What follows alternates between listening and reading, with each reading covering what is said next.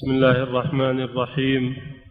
الحمد لله رب العالمين وصلى الله وسلم على نبينا محمد. أما بعد قال المصنف رحمه الله تعالى باب الأذان.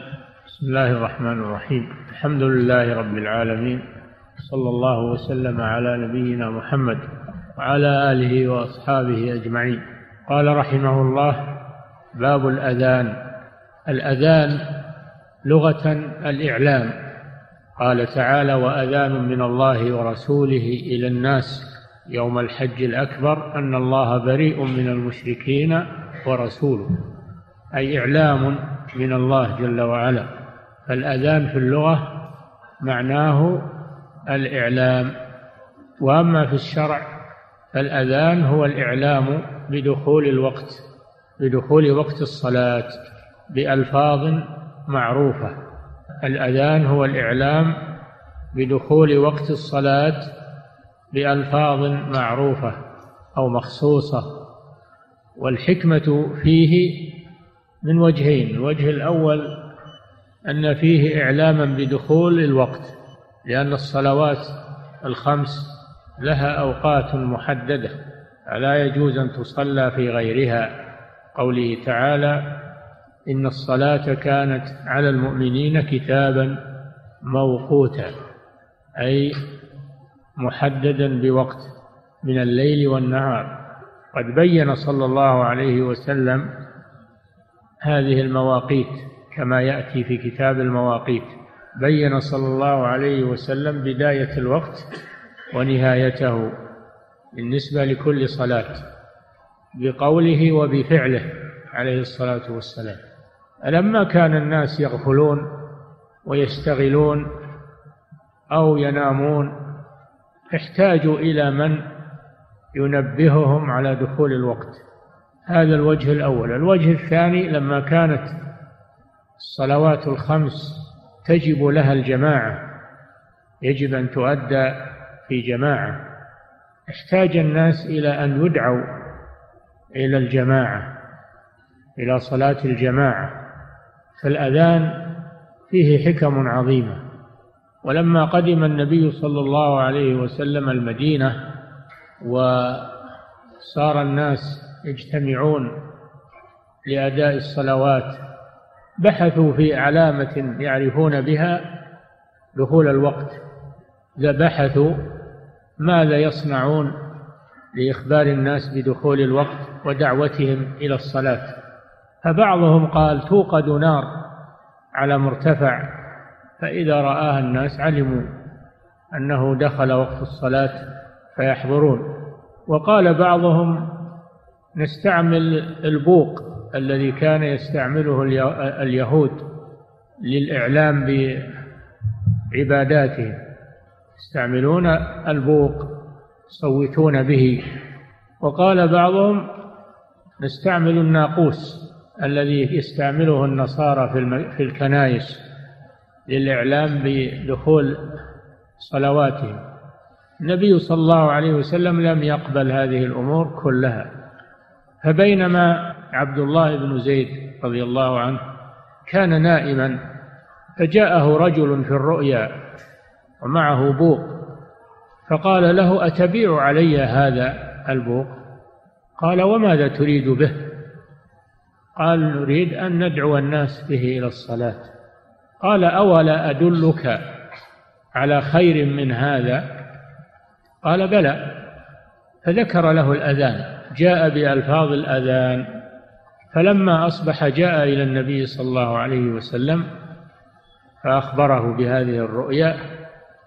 قال صلى الله عليه وسلم إنها رؤيا حق فأمر بلالا أن ينادي بها لأن بلالا رضي الله عنه كان ندي الصوت فأمر عبد الله بن زيد أن يلقيها على بلال ابن رباح يؤذن بها فنادى بها بلال فلما سمعه عمر جاء مسرعا قال يا رسول الله والذي بعثك بالحق نبيا لقد رأيت مثل هذا في منامي. هذه بداية الأذان والأذان ألفاظ عظيمة ألفاظ عظيمة تتضمن أصول الإسلام. أول الأذان وهو التكبير تعظيم لله سبحانه وتعالى. ثم النطق بالشهادتين شهادة لا إله إلا الله وأن محمد رسول الله وهما الركن الأول من أركان الإسلام. ثم الدعوة إلى الصلاة وهي الركن الثاني من أركان الإسلام. ثم الدعوة إلى الفلاح وهو الفوز الدائم في هذا ضمن هذا الإيمان باليوم الآخر وهو أحد أركان الإيمان. ثم العودة إلى تعظيم الله بالتكبير ثم ختام الأذان بكلمة التوحيد كلمة الإخلاص العروة الوثقى لا إله إلا الله. فما أعظم هذا الأذان؟ والأذان شعيرة من شعائر الإسلام الظاهرة. شعيرة من شعائر الإسلام الظاهرة. لو امتنع قوم من الأذان فإنهم يقاتلون لأنهم امتنعوا من شعيرة من شعائر الإسلام الظاهرة فيقاتلون على ذلك. والأذان أيضا علامة على الإسلام.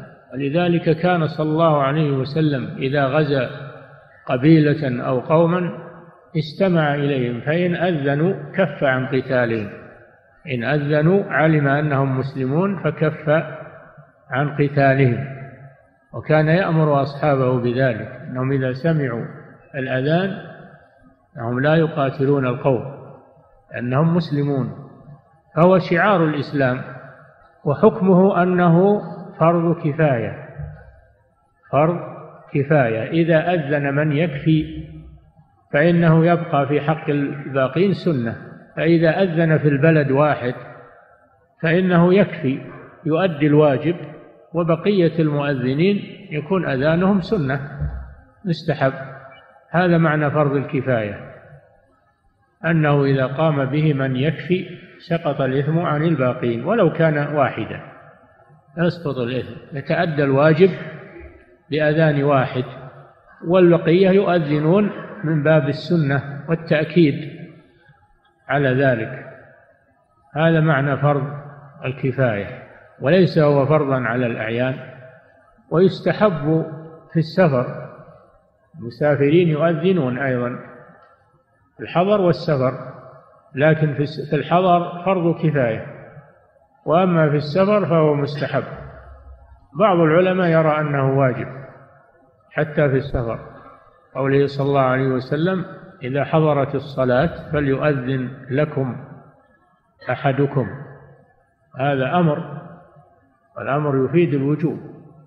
كان صلى الله عليه وسلم يأمر بلالا فيؤذن في السفر ويقيم فالأذان مشروع الحضر والسفر. هذا بالإجماع. وحتى الواحد الواحد في السفر ينبغي له أن يؤذن. ينبغي للواحد أن يؤذن. لأنه إذا أذن فإنه تشهد له بقاع الأرض. وكل من سمع صوته يشهد له يوم القيامة. والأذان عمل جليل. الأذان عمل جليل. ولهذا يقول عمر رضي الله عنه لولا الخلافة لأذنت. وجاء في الحديث أن المؤذنين يكونون أطول الناس أعناقا يوم القيامة والمؤذن يشهد له كل ما سمعه من من البقاع ومن الجن والإنس يشهدون له بذلك يوم القيامة. الأذان فيه فضل عظيم ثواب جزيل. لمن يحتسب الأجر عند الله سبحانه وعلى المؤذنين أن يكونوا أمنا لأنهم يخبرون عن دخول الوقت فيكونون أمنا على الوقت لا يؤذنون قبل دخول الوقت فيصلي الناس قبل دخول الوقت أو يتأخرون عن أول الوقت فيصوم الناس. يصوم الناس على أذانهم ويأكلون ويشربون بعد طلوع الفجر إذا تأخروا. فالمؤذن عليه مسؤولية ويجب عليه أن أن يؤدي هذه الأمانة وأن لا يخل بها أو يتهاون بها فإن هذا فإن هذا يترتب عليه. الخلل في الأذان يترتب عليه أخطاء في العبادة. إما أن يصلي الناس قبل الوقت وإما أن يصوموا بعد بعد طلوع الفجر بسبب أذانه. فهو أمين سماه النبي صلى الله عليه وسلم الإمام مؤتمن. المؤذن مؤتمن والإمام ضامن. قال صلى الله عليه وسلم المؤذن مؤتمن والإمام ضامن. فعلى المؤذن مسؤولية دقيقة في أمر الأذان. كذلك عليه أن يؤدي الأذان على الصفة المشروعة. يؤدي ألفاظ الأذان على الصفة المشروعة. لا يلحن فيه. إذا لحن لحنا يحيل المعنى فلا يصح أذانه. وأما اللحن الذي لا يحيل المعنى فلا فلا يخل بالأذان. وأما التلحين تلحين الأذان والتطريب به هذا يكره. يكره تلحين الأذان والتطريب ولكن يستحب أن يحسن صوته فيه وأن يؤديه أداء جيدا. حسن الصوت فتحسين الصوت بالأذان مطلوب لكن التلحين والتطريب هذا غير مشروع بل بل إنه ينقص أهمية الأذان عند الناس فينبغي الاعتدال في هذا الأمر. نعم. عن أنس بن مالك رضي الله عنه قال أمر بلال أن يشفع الأذان ويوتر الإقامة. نعم. أمر بلال بلال بن رباح مؤذن النبي صلى الله عليه وسلم. كان من السابقين الأولين والمهاجرين وأوذي في الله أشد الأذى فصبر وثبت على دينه إلى أن اشتراه أبو بكر الصديق وأعتقه فهو من موالي أبي بكر الصديق رضي الله عنه. أمر أي أمره النبي صلى الله عليه وسلم لأن قول الصحابي أمرنا بكذا أو نهينا عن كذا يرجع إلى الرسول صلى الله عليه وسلم لأنه لا أحد يأمر وينهى إلا الرسول صلى الله عليه وسلم فهذا له حكم الرفع. أمرنا بكذا أو نهينا عن كذا له حكم الرفع. لأنه لا يحتمل أن الآمر أو الناهي غير الرسول صلى الله عليه وسلم. فقوله أمر بلال أي أمره النبي صلى الله عليه وسلم. أن يشفع الأذان. الشفع ضد الوتر يكرر ألفاظه. أكثر من مرة. فالتكبير يكرر أربع مرات في أول الأذان ومرتين في آخر الأذان وبقية الألفاظ تثنى.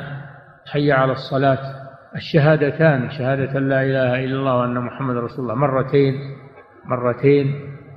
حي على الصلاة مرتين حي على الفلاح مرتين. ثم التكبير في آخر الأذان مرتين. هذا الشفع ثم كلمة الإخلاص لا إله إلا الله ختام لهذا الأذان العظيم. هذا معنى الشافع أنه لا يقتصر على لفظة لفظة. يقول الله أكبر أشهد أن لا إله لا ما يقول كذا. هذا في الإقامة. أما الإقامة فيوترها يعني يقتصر على لفظة واحدة في ألفاظها إلا قد قامت الصلاة والتكبير فإنه يشفعهما في الإقامة. كبر مرتين ثم يشهد أن لا إله إلا الله وأن محمد رسول الله مرة مرة ثم يقول حي على الصلاة مرة حي على الفلاح مرة ثم يقول الله أكبر الله أكبر لا إله إلا الله. إحدى عشرة جملة إحدى عشرة جملة. هذه الإقامة. والإقامة معناها الإعلام بقيام الصلاة. الإقامة هي الإعلام بقيام الصلاة وهي إعلام للحاضرين. فلا تحتاج إلى إلى شفع لأن الأذان يحتاج إلى الشفع لأنه نداء للغائبين. يحتاج إلى أن يكرر حتى يسمعوه. وأما الإقامة فهي للحاضرين فلا يحتاج إلى تكرار وشفع وإنما هي أوتار. وأيضا الأذان يترسل فيه ويرفع الصوت به غاية الإمكان والإقامة تحذر حذرا ولا يرفع الصوت بها لأنها للحاضرين وهي إعلام بقيام الصلاة وحضور الصلاة. نعم هذا معنى أمر أن يشفع الأذان وأن يوتر يشفع يعني ألفاظ الأذان وأن يوتر أي ألفاظ الإقامة. نعم. عن أبي جحيفة وهب بن عبد الله وقال يوتر الإقامة هذا بالنسبة لل يوتر الإقامة بالنسبة للأغلب وإلا فبعض ألفاظ الإقامة يشفع كما سمعتم. نعم.